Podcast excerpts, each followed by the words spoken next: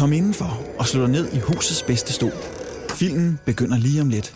Merry Christmas, you filthy animal. Velkommen til Daniels jul. I dag har vi fået besøg af Jacob E. Hensley fra Dårligdommerne og Hakkedrengene. Velkommen til. Tak skal du have. Og i dag der skal vi tale om julefilm, både de gode og de dårlige. Og for at sætte os lidt i stemning, så skal vi starte med et julenummer. Vi skal høre Slade, Merry Christmas Everyone. Are you hanging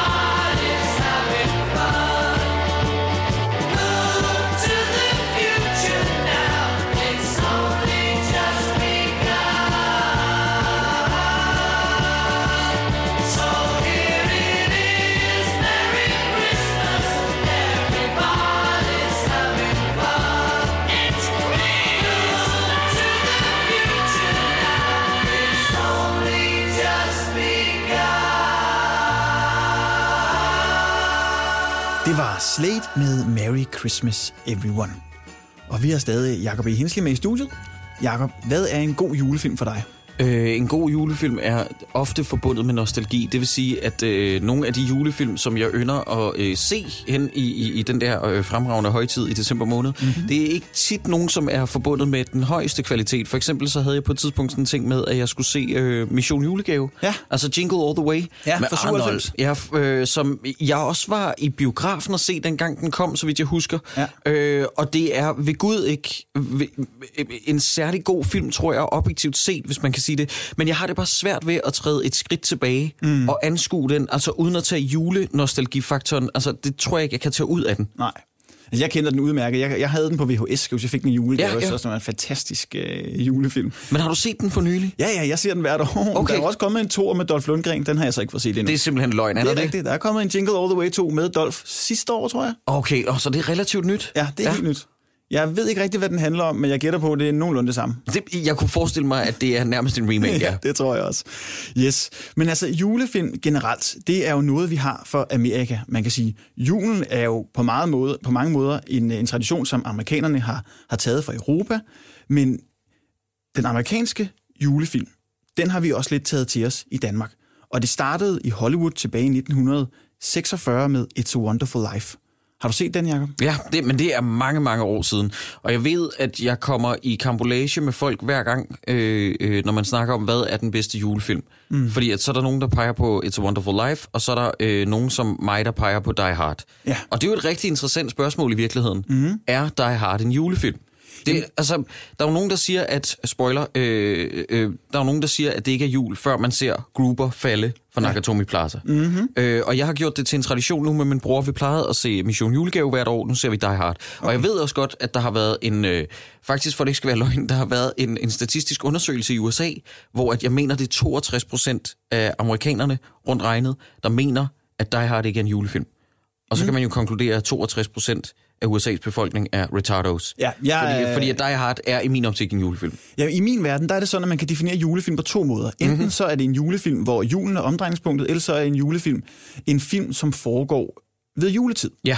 Og det er begge to julefilm i min verden, og Die Hard hører til kategori 2. Ja. Altså en film, som udspiller sig i juletid. Ja, det er jo det, man kalder i manuskrivning, øh, det er jo det, man kalder også den naturlige historie. Det der med, at du bygger op med en, øh, en film, hvor at nogle gange så kan en background event, eller noget i forgrunden faktisk, omdreje sig omkring de her, for eksempel en naturlig højtid, mm. som julen. Og Shane Black, han er jo sådan en, som benytter sig af det i alle hans film. Ja. Der er julen faktisk omdrejningspunktet, eller øh, julen er en, et, et baggrundssetting. Ja. Om det er øh, Iron Man 3, om det er Kiss Kiss Bang Bang, altså øh, jeg tror faktisk også, det er i Nice Guys, for det ikke skal være løgn.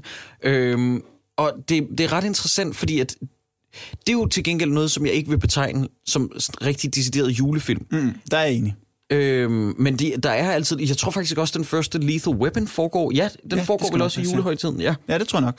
Og der er jo en del flere, nu ikke lige Shane Black-film, men der er også for eksempel Trading Places. Bossen Mhm. og Bumsen hedder den på dansk, er jo også en, en film, som mest foregår ved juletid, men ikke er så meget en julefilm. Ja. Så er der jo Batman Returns fra 1992. Ja, det er rigtigt.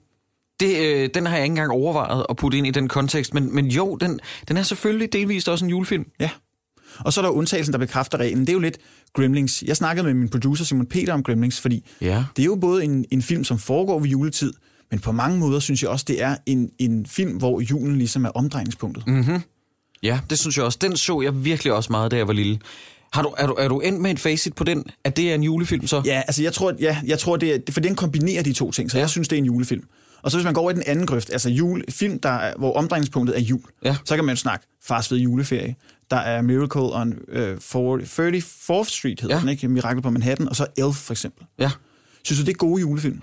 Øh, Jeg har aldrig set Elf færdig, så Nej. det skal jeg ærligt. Jeg har heller ikke set uh, Miracle. Uh, hvad var den første, du sagde? Fars fede juleferie. Okay, det er også mange år siden, jeg har set den. Uh, jeg så Fars uh, sygt fede bilferie for nogle år siden, da den Uh, kom. den nye der. Men, uh, men Fars fede juleferie, altså, eller, uh, jo, det er jo en klassiker. Hvordan er Elf egentlig? Altså, jeg, kunne ikke, uh, jeg kan ikke huske, om det var, fordi jeg ikke kunne holde den ud, om det var en periode, hvor jeg synes, Will Ferrell var vildt irriterende. Men den er ret god, ikke? Den jeg er ved, rigtig god. Jeg ved, at den er holdt i uh, højtidlig hævd i mange... Øh, altså, den har jo nærmest en kultstatus. Ja, og den er også rykket op på mange øh, førsteplads inden for julefilm. Ja, Ja, ved jeg, ja. Der er mange, der siger, når jeg spørger øh, mine øh, lyttere eller mine, mine følgere, at de kan godt lide Elf. Ja. Altså, den er fra 2003, så vidt jeg husker. Ja, det er en Og- relativt ældre film med øh, dejlige så de Janeiro også, ikke? Jo, og jo, jo. Will Ferrell. Er det noget med, at den blev...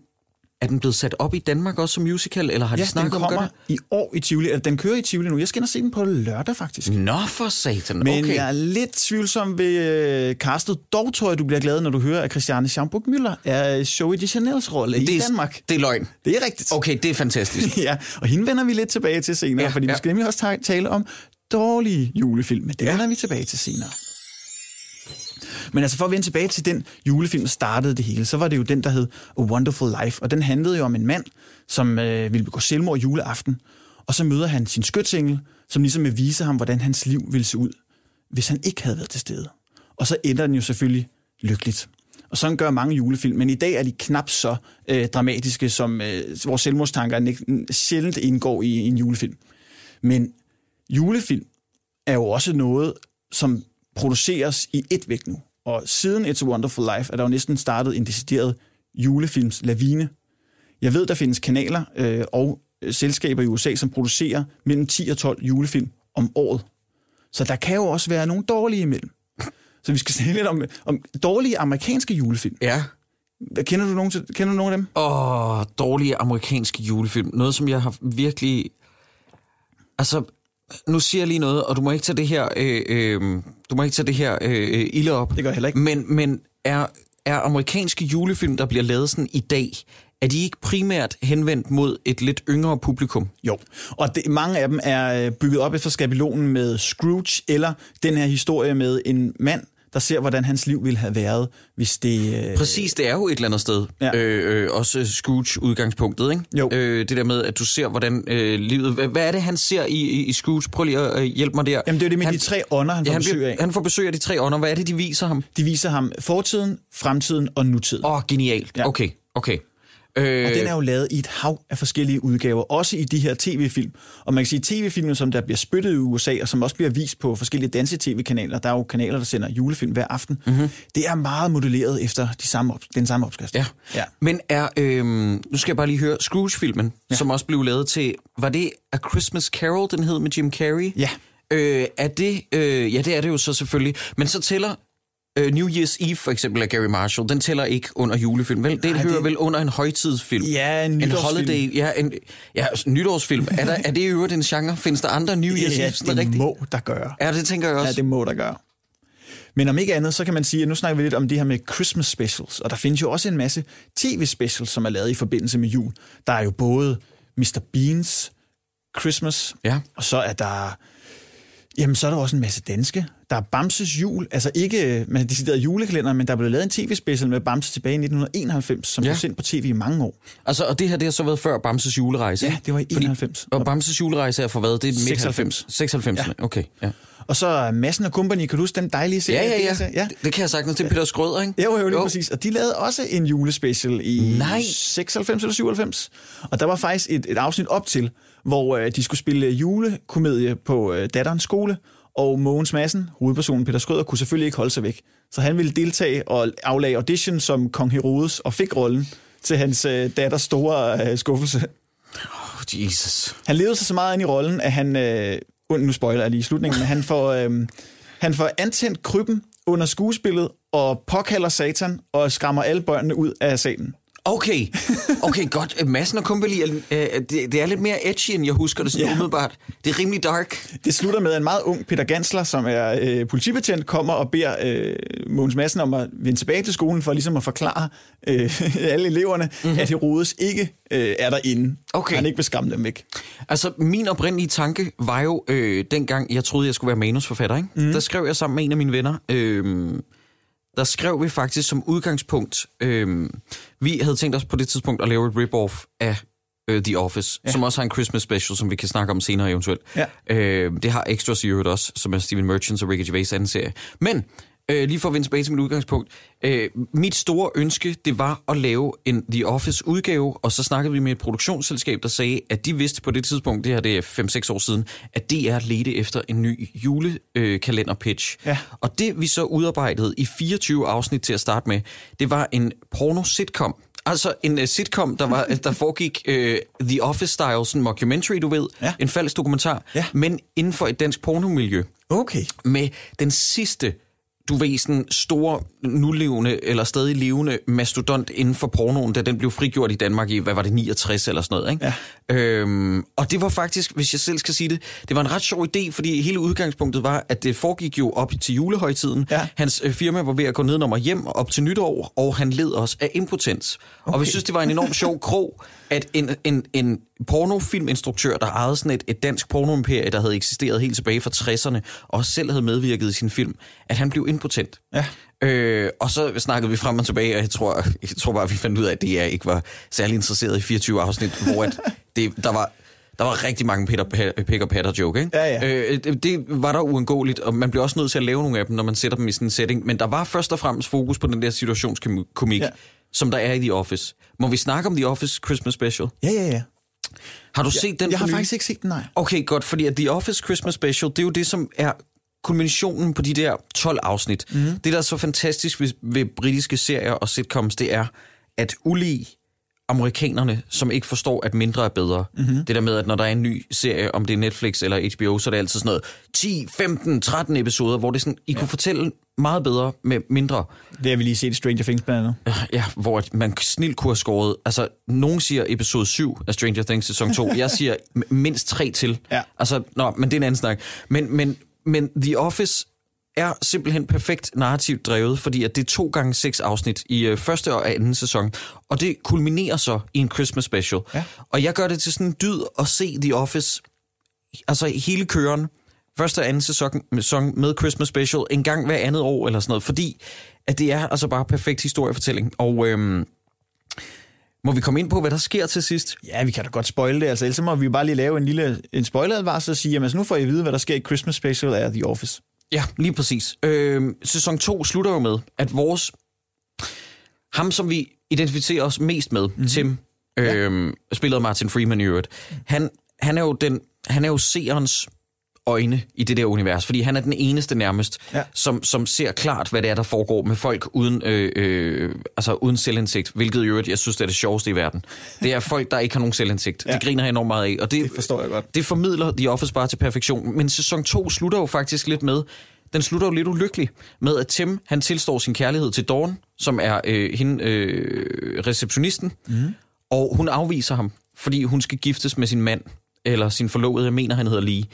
Og altså, Christmas Special runder bare historien perfekt af med, at, at David Brent, som også er blevet fyret, vi ser ham prøve at overleve ved at tage til sådan nogle sørgelige gameshows, eller det, som vel i, i Danmark vil være tilsvarende at møde op i Rødovre Centrum. Ja. Du ved sådan lidt, øh, det som nogle af de tidligere julekalender skuespillere gør i dag, ikke? Mm-hmm. Øh, hvor han prøver at leve videre på, at han har medvirket i den her, øh, i den her reality-serie, og så Tim får Dawn til aller, aller sidst. Og jeg, altså, jeg lover dig for, jeg græder også til, når jeg ser Christmas Special af Extras, men Christmas Special til The Office, den er bare, altså den er virkelig noget særligt. Ja. Den rammer noget sådan helt, øh, det som måske også er den, den egentlige besked med, med julefilm, som er en undskyldning for at lave en god julefilm, det er bare, når du øh, laver et, et, et sentimentalt rørstrømsk scenarie, og du kan slippe bedre afsted med det, når det er en julefilm. Ja, det er jeg helt enig i. Men man kan også slippe afsted med nogle værre stinker. Åh, og ja. der, fordi at, øh, det skal vi kigge lidt nærmere på efter endnu et julenummer. Der skal vi se på dårlige danske julefilm. Men først skal vi høre Smokey med Christmas Forever.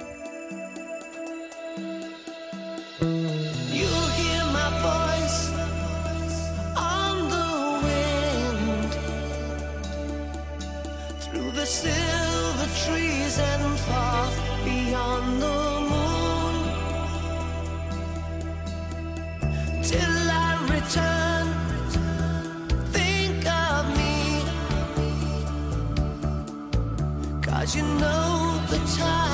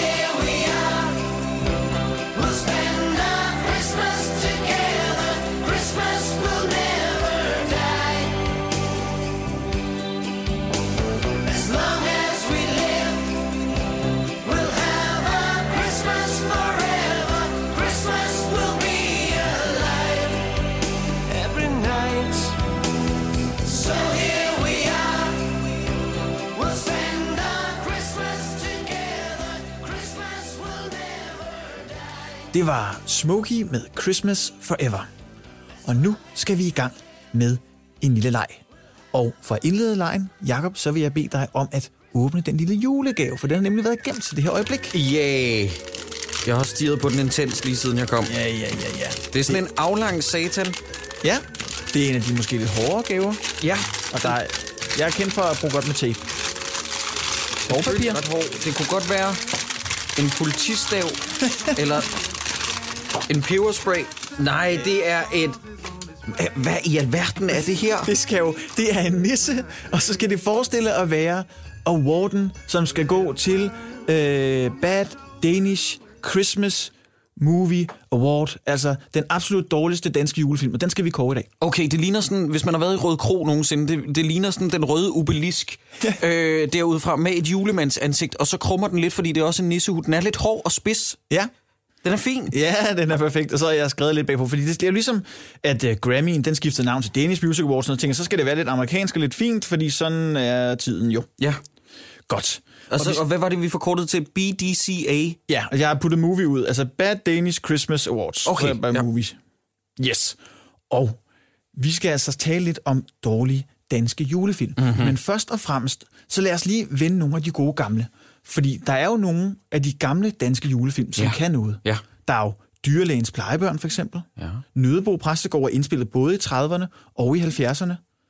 Og så er der også de her julefilm, som ikke rigtig er julefilm, men hvor der er sådan en, et juletwist. Det er jo Far til fire i byen, for eksempel. Altså til julebal i Nisseland, eller mange vil kalde den. Og Krummerne 2. Ja, Krummerne 2 er et interessant eksempel, fordi at det er den første indskydelse, jeg fik, når vi snakker gode danske julefilm. Men så vidt jeg husker, ikke, mm-hmm. så laver den jo et, et, et øh, øh, livet er smukt Roberto Benini-greb. Det der med, at den knækker jo halvvejs ind i og bliver en, en hvilken som helst anden film. Ja, ja, er det gør den. Sker der ikke det decideret, at Krumme, han siger, jeg har set den meget, da jeg var lille, ja. så ret mig lige, hvis jeg tager fejl. Det er noget med, at klimakset er et hestevedløb, ikke? Det er korrekt. Men jeg husker bare, at halvvejs inde i filmen, så rider Krumme, og så siger han i voiceoveren, julen forsvandt, og det blev forår.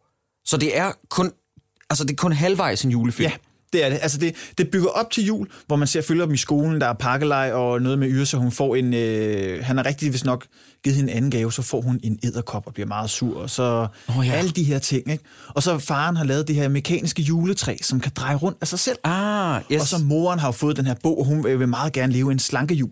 Mm-hmm. Så forstuer hun desværre foden. Ja. og så er det krummefar og øh, storesøsteren, der skal lave maden. Yes. Og de lover jo at lave sund mad, og det gør de så absolut ikke. Nej, nej, nej. Og så nyder de julemiddagen, og så er julen overstået. Får han et kys af Yrsa? Ja, det gør han. Det gør han nemlig, ja. Ja, okay, yes.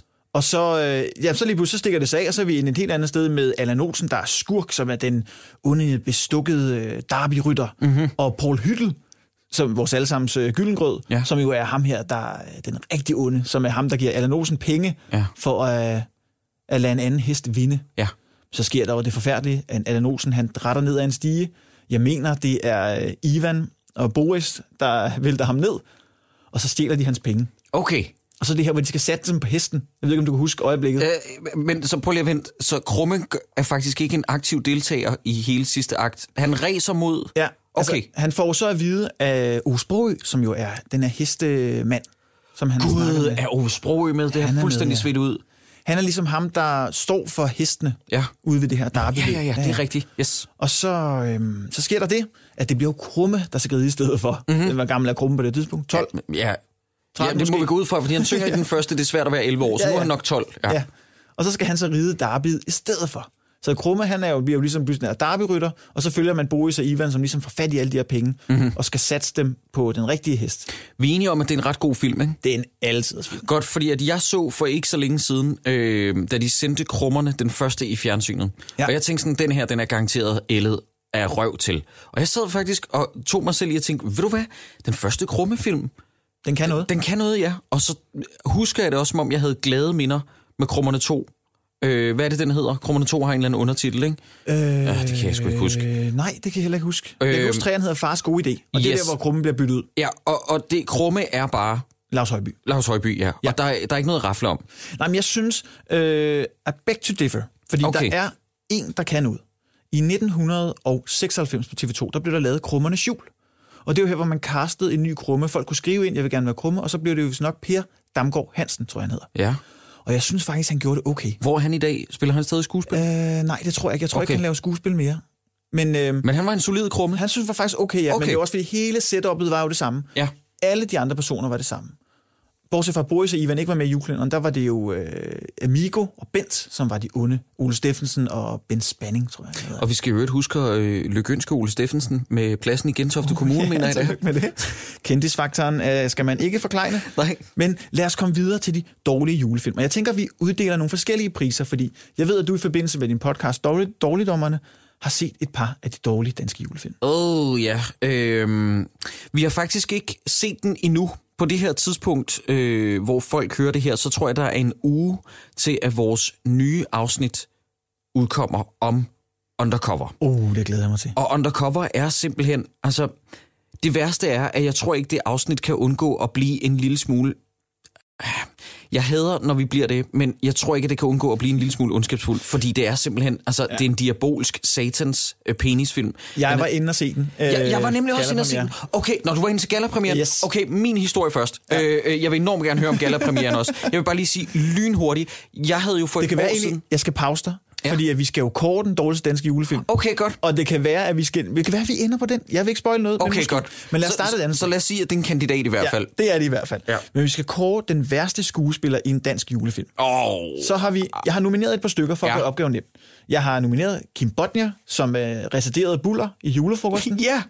Så har jeg nomineret Roland Møller, den. Ja. fynske skurk Mick i Undercover. Ja. Så har jeg nomineret Jamie Morton, som faktisk også er et bud på Krumme i Krummerne 4. Ja. Så er det jul igen. Og sidst men ikke mindst, Robert Hansen som øh, topjournalisten Daniel i Noget i luften. Okay, jeg er øh, rigtig interesseret i nogle af dine bud. Nu smider jeg bare lige et Ja. øh, femte eller sjette bud ind. Øh, Yes, kom med det. Jeg synes ikke, at han er kvalificeret. Jeg synes bare, at han fortjener en honorable mention. Ja. Og jeg taler selvfølgelig om, man må ikke tale ondt om de døde, men jeg taler om Jesper Klein i Pyrus på pletten. Ja. Fordi at der, er, der kan man mærke, at der er en mand, der ikke kan mere. Ja. Han har spillet den rolle så mange gange, og han er så træt af at være der i den low-budget taber-film, som er Pyrus på pletten. øh, og øh, jeg kan bare mærke sådan, øh, og det jeg mener med det, det er, at han er ikke han er ikke dårlig nok til, at han kan kandidere til den her liste. Nej. Men man kan bare mærke, at det er en fyr, der ikke gider være der. Ja, det er synd for ham. Ja, det er det sgu, og jeg har sympati med ham. Ja. Okay, jeg synes, dine bud er rigtig gode. Så skal vi kåre en jo. Hvem skal det være? Jeg, jeg bliver nødt til at diskvalificere. Hvis det er noget, vi skal finde frem til i fællesskab, så bliver vi nødt til at diskvalificere ham for Krummerne 4, for jeg har simpelthen ikke set den. Jamie Morton. Ja. Jeg synes, Han er Robert, ude. jeg synes, Robert Hansen er... Ja. Jeg synes ikke, at han er decideret charmerende, men han er øh, øh, ikke lige så dårlig som de to andre Nej, han er kandidater. ikke den dårligste. Nej. Og jeg ved, øh, som øh, lille fun fact på den her film, at den første scene, der blev filmet, det var faktisk Robert Hansen stående nøgen med en adventskrans nede i det hellige sted. Ja, ja. Hvilket jo bare grundlæggende set ikke giver nogen mening, fordi hvis der er noget, der kendetegner en adventskrans, så er det, der er et kæmpe hul i midten. Ja. Hvordan er det, han vil dække sin penis ja, det med en adventskrans? Jeg forstår det simpelthen ikke. Jeg ved det heller ikke. Nå, okay. Så er vi Øh, tilbage med Kim Bodnia og Roland Møller. Jeg elsker de to bud. Det gør jeg virkelig. øhm, så meget som jeg hader øh, Undercover, som vi kommer til at snakke om senere, ja. så tror jeg, jeg bliver nødt til at give den til Kim Bodnia, fordi ja. det er så uværdigt. Ja, og, han spiller, og han spiller så dårligt. Hvorfor skal han være retideret? Jamen, jeg forstår det, ja, ikke. det giver ingen mening. Og han spiller øh, Buller, som øh, Anne-Grethe Bjarup Ries rolle tvinger Oh, ja. øh, ham til at voldtage sig. Ja. Altså, det er også noget med, at hun vil gerne voldtage sig af ham, er en evnesvag. Jamen, det er simpelthen, det er simpelthen en forfærdelig film. Ja, det er stygt. Så vi sige, værste skuespiller i en dansk julefilm, det er Kim Bodnia som buller i julefrokosten. Jeg synes, det er velfortjent. Ja, det synes jeg også. Så går vi videre, for vi skal jo også have kåret en kvindelig. Så vi tager også den værste skuespillerinde i en dansk julefilm. Jeg har nomineret Ja. Line Kruse, Pernille i Noget i Luften. Så kommer Linda P. både som Sissel i Noget i Luften og som Rikke i Undercover.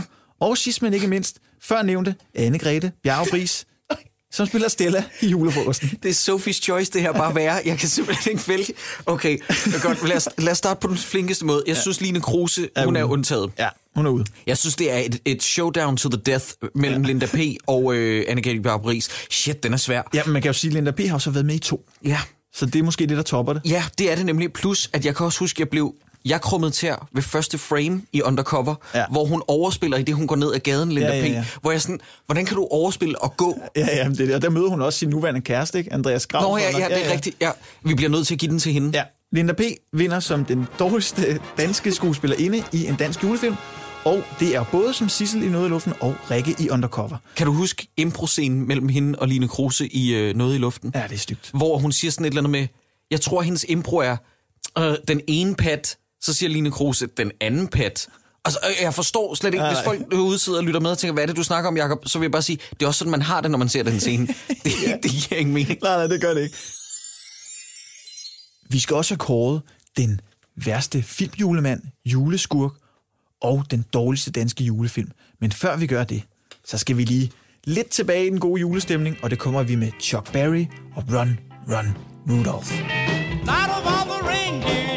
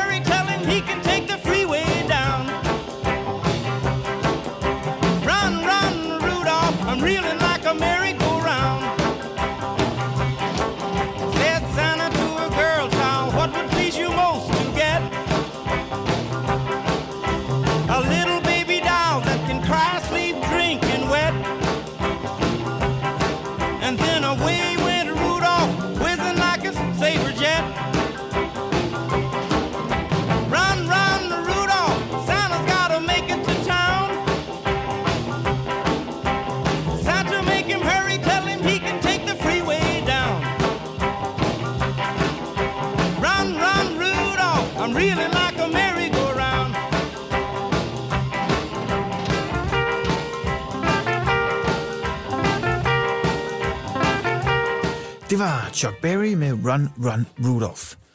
Og jeg synes lige, vi skal vende tilbage til Undercover. Fordi vi havde begge to lidt nogle sjove anekdoter omkring det. Okay, jamen jeg starter med min, fordi jeg, vil, fordi jeg vil faktisk gerne gemme og høre din historie om gallapremieren. Ja, tak. Godt. Min er kort fortalt, at jeg troede sidste år, at vi skulle lave et afsnit om Undercover, da den gik i biografen til ja. Dårligdommerne, den podcast, jeg laver. Så øh, jeg gik ind og så den, og øh, på det her tidspunkt, så ved jeg ikke, at de andre har ombestemt sig uden mig. øhm, fordi at der er kommet noget sygdom ind, ind, øh, indblandet og sådan noget. De har kommunikeret internt og besluttet sig for, at vi lader være med at se den. Men hey, vi siger det ikke til Jakob, fordi vi er assholes. Så jeg tager ind og ser den i Paladsbiografen med en sal, der er, jeg tror ikke, jeg overdriver, hvis jeg siger, at der er 10 andre mennesker end mig og min ven Magnus, som jeg har tvunget med ind og se den med mig, fordi jeg ikke vil se den alene. Ja. Og jeg har det simpelthen så dårligt med det undervejs, fordi at den bliver bare værre og værre og værre. Og hvis man hørte det, vi snakker om for et øjeblik siden, at Linda P. overspiller i åbningsscenen, ja. og havde tænkt, det kan jo, det, altså det kan, jo, det kan da ikke blive værre. Jo, det kan det godt. Det Absolut. bliver, den, og den bliver længere og længere og længere. Og så sker der det, at da jeg bliver kørt hjem af min ven Magnus, og vi snakker ikke sammen, fordi at vi har det som om, at vi har det som om, at vi er to venner, der har udsat hinanden for verdens dårligste sammenleje. øhm, og da, da vi kommer hjem, og han sætter mig af i sin bil og kører, uden at sige noget, så sender jeg ham om aftenen 100 kroner på MobilePay, og siger, det her Magnus, det er simpelthen bare som en undskyldning. Det er jeg sgu ked af. for, for jeg har skulle udsætte dig ja. for det her. Øh, og jeg havde betalt øh, øh, billetterne, øh, biografbilletterne, men alligevel synes jeg lige, han skulle have 100 kroner oveni. Det var simpelthen så dårligt. Ja, som kompensation for, hvor ringe det var. Nå, lad mig høre om Gala Ja, jeg var ind til gallapremiere øh, sammen med min hustru på det tidspunkt, og vi var inde og se øh, ja, Undercover. Vi fik en fin introduktion og, og det hele, og så sad vi så der og så filmen, og gennem hele filmen, altså salen var jo så fyldt. Det var den store sal i Palads, fordi det var gallapremiere, så de havde inviteret Gud og, Gud og hver mand. Ja. og man kunne høre en knappenål falde til jorden. Der er jo en masse steder, som er lagt op til, at man skal grine, og der var ingen, der grinede på noget som helst tidspunkt. Det var Nej, nej, forfærdeligt. Men så blev vi jo så heldigt trakteret bagefter med shawarma og cola og hvad der ellers var indgået i filmen, for der er jo en, en tidspunkt, hvor de kører i en bil, og hvor de så bliver transporteret af en mand, der tilbereder shawarma. Ja. Og så sidder de og spiser det råt, hvis Ja. nok, så vidt jeg ved. Og så afslører Linda P. hvis nok den hemmelige ingrediens, hvis bare kanel. Så der var selvfølgelig også kanel i shawarmaen. Men uha, der var ikke god stemning til gallapremieren, skulle jeg sige. Det er simpelthen så vildt. Jeg har været til sådan en gallapremiere en gang til en komedie. Og jeg, jeg vil ikke sige, hvem det var, men der var en, der sad og skraldgrinede på forreste række og prøvede at grine hele biografen op. Jeg, jeg tror, jeg ved, hvem det var. Ja, og det var øh, produceren selv på filmen, og det var simpelthen så sørgeligt. Oha. Ja, men vi skal videre med de her øh, awards her. Fordi i danske julefilm optræder vores kære ven julemanden jo også. Men uh, der er ikke så mange af ham. Af ham og øh, jeg har nomineret tre. Der er Våge Sandø, som gentager sin rolle som julemanden. Han var julemand i Krummernes jul for 96, men er julemand igen i Krummerne 4, så er det jul igen. Lars Hjortøj gentager også sin rolle som julemand. Han har også spillet julemand i øh, Ludvig og julemanden og Tvillingerne og julemanden, og så gør han det simpelthen også i Emma og julemanden, som var en spillefilm. Og sidst, men ikke mindst, så er der en, der hedder Jens Jakob Tyksen, som spiller Julius i den animerede dansk-finske koproduktion, tror jeg nok det er, Nico og de flyvende rensdyr. Nå ja, som har faktisk en enkelt sjov scene, så vidt jeg husker. Ja, den er faktisk okay. Ja. Så jeg tror, han rører ud. Så er vi tilbage Våge Sandø og Lars Hjortøj. Okay, jeg skal bare lige se Jens Jakob Tyksten, hvor det er, jeg kender ham fra. Han er sådan en stemmeskuespiller, ikke? Ja, det er han, ja. Ja, okay. Øh, godt. Jamen, vi blev også enige om, at det... Åh, jeg kender ham fra Jensen og Jensen. Oh boy, oh boy, godt, godt. Okay, godt. Lad os snakke om de to kandidater. Det er Våge Sandø og Lars Hjortøj, ikke? Ja, det er det, ja. Godt. Øh, jeg bliver nødt til at sige, altså er det med negativt fortegn, er det den værste danske julemand? Ja, det er det. Okay, jamen så bliver jeg nødt til at give den til, øh, så bliver jeg nødt til at give den til Lars Hjortøj. Jeg er enig. Øh, fordi at øh, jeg elsker Lars Hjortøj af hele mit hjerte, øh, men julemand, det kan han, altså det er han simpelthen ikke. Det er jeg helt fuldstændig enig i. Og han spiller også julemanden ude i skæg. Han får det så til sidst. Ikke desto mindre, jeg er ganske enig. Okay, godt, godt, fordi at Våge Sandø, han, altså, han er jo dansk nationalklenodie. Ja, jamen, han er, jo, han er jo næsten indbegrebet af en julemand. I hvert fald, når man kigger i forhold til Krummernes jul, som kom i 96, ja. altså juleklænderen. Der var han en rigtig god julemand, Ja, synes jeg. ja. Vi bevæger, os- bevæger os videre til næste kategori. Værste juleskurk. Her har vi en, du vil kunne lide, tror jeg. Okay. Mille Dinesen som Skatten Langpat i Emma og julemanden. Martin Brygman, Patrick i julefrokosten. Åh, ja. Og Henning Jensen, uh, den onde, onde borgmester i Pyrus på pletten. Nej, nej, det er nogle gode kandidater. Ja, det er det. Jeg havde helt glemt, at Henning Jensen faktisk var en skurk øh, i Pyrus på pletten, for jeg havde helt glemt, at der var en skurk i den film. Ja, men det er nærmest, at man kommer en skurk, Jamen det er nemlig det, fordi man glemmer lidt, at der er jo en antagonist, men ikke rigtig. Godt, øh, hvad var det? Ja, ja jeg, jeg er ikke i tvivl et øjeblik. Det må simpelthen være Martin Brygman. Martin Brygman som Patrick i julefrokosten. Hvis folk ikke har set julefrokosten, så bare se de første 10 minutter, fordi at julefrokosten har været sådan en film, som selvom at øh, What's His Face, Rasmus, hvad han hedder, Heide, han øh, har udtalt, at han har brugt et år af sit liv på at lave den film, det nægter jeg simpelthen at tro på. Ja, det har taget Fordi- fem minutter. Jamen det er nemlig det, fordi der er så mange steder, hvor den bare virker. På et tidspunkt, så får du eksponeret hele skurkens plan, altså Patricks, ja. i det han står med ryggen til kameraet. Fordi jeg tror, det hele er ADR, altså det er blevet eftersynkroniseret, fordi at de ikke har vidst, hvad skurkens plan var. Og det er også noget med, at han har en forkærlighed for ældre damer, ikke? Jo, jo, og det er så, ja, det er mærkeligt, og det er også noget med, at, at det er en enorm sjov joke i filmen ha, ha, ha, at han boller med en, der bare er psykopatgrim, men så er det i virkeligheden Helena Christensen med proteser i ansigtet. Oh, oh har, har. Øj, ja. Jeg er ganske enig. Værste juleskurk, prisen går til Martin Brygman som Patrick i julefrokosten. Martin Brygmans plan, som han spillede jo Patrick i julefrokosten, men hans plan det var, at han ville overtage den her lille autoforhandler. Han ville have deres kundekartotek. Ja, hvorfor vil han det?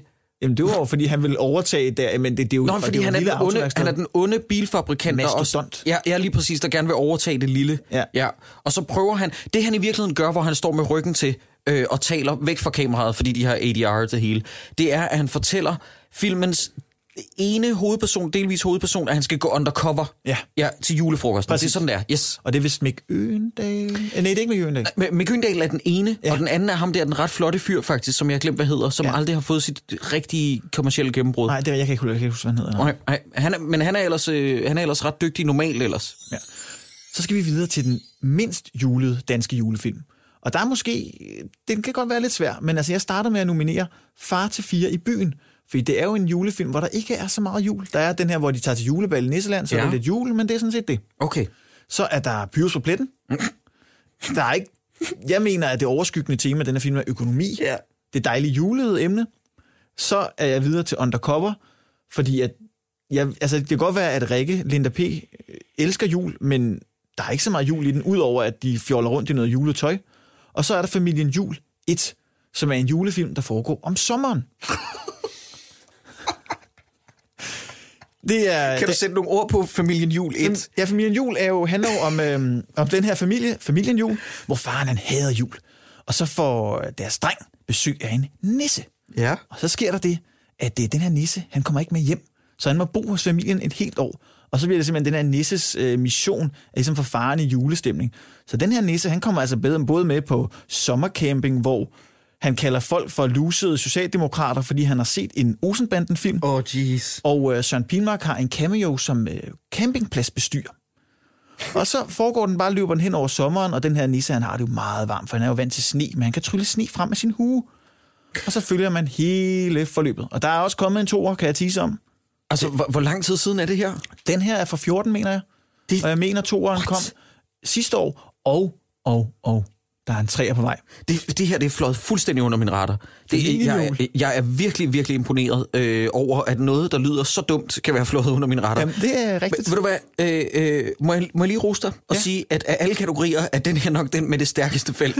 det, det, er, det, det er simpelthen sindssygt. Familien Jul lyder selvskrevet, men ja. altså, hvis vi skal øh, tage udgangspunkt i, hvad jeg kan være, snakke med om. Du har selvfølgelig det sidste ord, Ja. men jeg synes, at både Pyrus på pletten og Undercover slår som førstepladsen. Enig. Øhm, Pyrus på pletten, jeg er 100% enig. Jeg kan forestille mig øh, børnefamilier landet over, da den udkommer i år 2000, mener jeg. Ja, det er rigtigt. Øh, børn, der sidder og græder og siger, mor, du sagde, vi skulle ind og se en julefilm. det her, det handler om, om statistikker og finanser og borgmesterkontor. Og øh, Undercover er, øh, altså du satte så fint ord på det, Undercover er en undskyldning for at putte en mand i et fjollet nissekostyme, og ellers har den hat at gøre med jul. Præcis. Øhm, Skal vi, give, skal vi give den til Pyrus på pletten? Fordi så tænker jeg, at... ja, øh, jeg, tr- jeg tror, vi har samme plan, fordi ja. Pyrus på pletten var et større slap in the face. Ja. Fordi- enig. fordi det er jo en Pyrus-film. ja, det skulle være en julefilm. Ja, ja. Og det var det bare ikke. Nej, Det var bare en film med Pyrus. Og så går vi videre til måske den allerstørste kategori, og det er jo den, som, skal til, som den her statuette på bordet skal tilfalde. Altså den dårligste danske julefilm nogensinde. Yes. Jeg har nomineret Undercover, Julefrokosten, altså den fra 2009, Krummerne 4, Så er det jul igen, og så tænker jeg, det skulle være op til dig at smide en fjerde spiller på banen. Øh, godt, hvad sagde du? Øh, undercover? Ja, Julefrokosten Ja. og Krummerne 4. Okay. Så er det jul igen. Jeg bliver nødt til at smide øh, Pyrus på pletten ind så, øh, fordi det er vel øh, igen grundlæggende set en julefilm. Jeg havde et, over, et øjeblik overvejet at smide noget i luften ind, Ja. men jeg synes ikke, at noget i luften er så diabolsk ondskabsfuld som nogle af de andre øh, kandidater. Nej, jeg jeg synes bare, at noget i luften er lidt- bare lidt kedeligt. Ja. Øhm, Og så har den enkelte show, små sjove lyspunkter. Ja, og jeg synes faktisk også, at der er, øh, så må folk gerne korsfeste mig, men jeg synes faktisk, at der er lidt julet stemning til sidst. De hiver den lige i land til sidst med Tivoli, ja. og... Øh, Men det er også en safe, safe bet. Jamen, det er det nemlig. Det er et billigt trick, Gøkant, mm. øh, som de siger med Kasper Modeller, men, men det virker. Ja. Ja. Og så synes jeg faktisk også, at de har forsøgt det med at hive nogle... Jeg ved ikke, om det er originalt komponerede sange til filmen, men der er nogle, nogle julede sange. Det er ikke kombineret til filmen, er Okay. okay. jeg sikker på. Men vi kører videre. Altså, noget i luften, den kan vi ikke nominere. Den har lidt jul. Ja, det, jeg vil heller ikke lyve på at stå, det er en god film. Ej. Men den har altså lidt jul. Ja, jeg griner, altså det kan godt være, det er bare mig, der er et fjol, så, men jeg griner altså også lidt nogle gange af Bjarne Henriksen og, øh, og Krumme Mor, som spiller med den her, øh, hvad er det, øh, terapigruppe. Ja, ja øh, og man, der er også en, der er så voldelig aggressiv over for Dejan Sukic-figur. Han spiller jo sådan en rigtig irriterende i en DD-jam Ja. med hørbuks og sådan noget. Der, der, er nogle, jo, der er nogle karikaturer i, som godt kunne have været lidt sjove. Ja. Okay, godt. Hvad, hvad, hvad er vi tilbage til så? Vi er tilbage til Undercover, julefrokosten fra 2009, Krummerne 4 og Pyrus på pletten. Nej, det er simpelthen umuligt, det her. Den ultimativt dårligste danske julefilm nogensinde. Godt, nu siger jeg noget, som jeg formentlig kan komme til at fortryde, når jeg hører den her udsendelse igen om 20 år. Ja. Men fordi den er så frisk for erindringen, og, og mit sorg stadig ikke er blevet til et ar, så bliver jeg nødt til at sige undercover. Jeg vil meget gerne give dig ret. Okay. Jeg synes, det er en forfærdelig film. Ja, men det, det er simpelthen altså, en grotesk ringefilm, og øh, jeg synes, at folk har ret til at være uenige, fordi at den gik vist... Jeg vil, jeg vil ikke sige, at den gik lige så godt, som de havde regnet med, men den gik vist okay. Ja, og den havde, jeg tror også, den gik godt på navne. Ikke? Det var skrevet af Kasper Christensen og. Nikolaj Peik. Ja. Og så var der Mik, øh, hvad hedder han, Roland Møller, som jo er blevet en rimelig stor skuespiller. Mm. Og Linda P., som vel også har sit publikum. Om ikke andet, så bare se den for det kuriosum, at manden, der spiller hovedskurk i en ny film med Charlize Theron, øh, der hedder Atomic Blonde, Ja. han er med i en film som Undercover. Med en knastør og lækker fyns dialekt. Jamen, altså, det er simpelthen... Ja. Det, det er simpelthen en ubeskrivelig ringefilm, der er så pinefuld lang, lang, lang. Den føles ufattelig lang. Ja, og med det kan vi sige, at prisen, som står her på bordet, går til fra den dårligste danske julefilm til Undercover fra 2016. Og inden vi runder af, der skal vi have et sidste julenummer. Vi skal høre Queen, Thank God It's Christmas.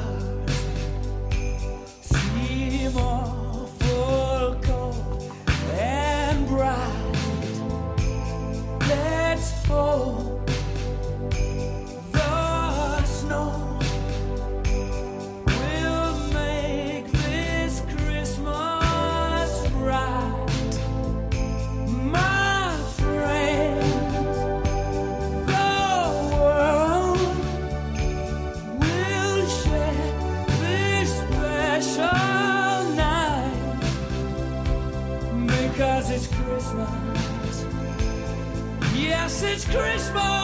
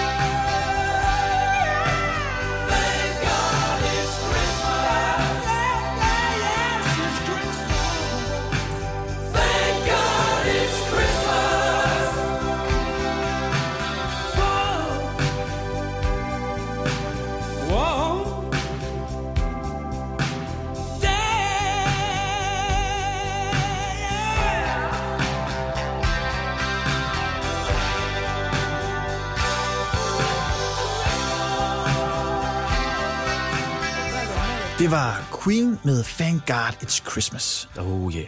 Og vi skal til at runde af. Vi har talt om julefilm, vi har snakket om de mange gode, men absolut også om de dårlige. Og vi har fået kåret den absolut dårligste danske julefilm, og det var Undercover fra 2016.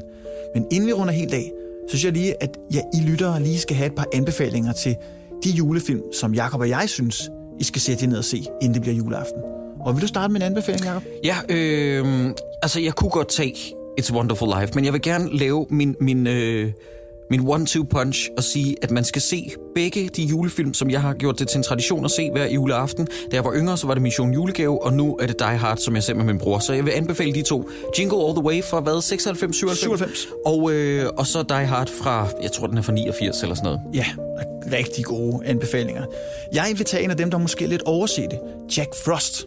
Det er en af de julefilm, jeg godt kan lide. Den er måske, øh, nogen siger, at den ikke er så god, men jeg er altså tosset med den, og slutningen får mig hver gang, jeg bliver rørstrømsk. Og så vil jeg nok også anbefale den, der hedder Planes, Trains and Automobiles. Nå ja. Med Steve Martin og øh, John Candy. Er det den, der hedder Røvtur på første klasse på dansk? Yes, 4. klasse, tror jeg endda. Ja, ja, nå ja, ja lige præcis. Fantastisk film. Måske med en Thanksgiving-film, men ikke desto mindre en rigtig, rigtig sød film. Og det var Daniels jul for i dag.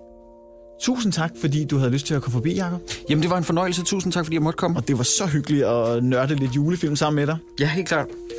Og så skal vi afslutte med et lille julecitat. If you won't use your heart, who cares if it gets broken? If you just keep it to yourself, maybe it will be like my rollerblades. When you decide to try it, it won't be any good. You should take a chance. Got nothing to lose.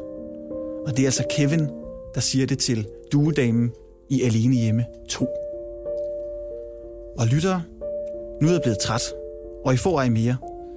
Indtil vi ses igen, kan I flette et hjerte eller tegne et græntræ, eller klæde pænt på. Der er ikke så længe til.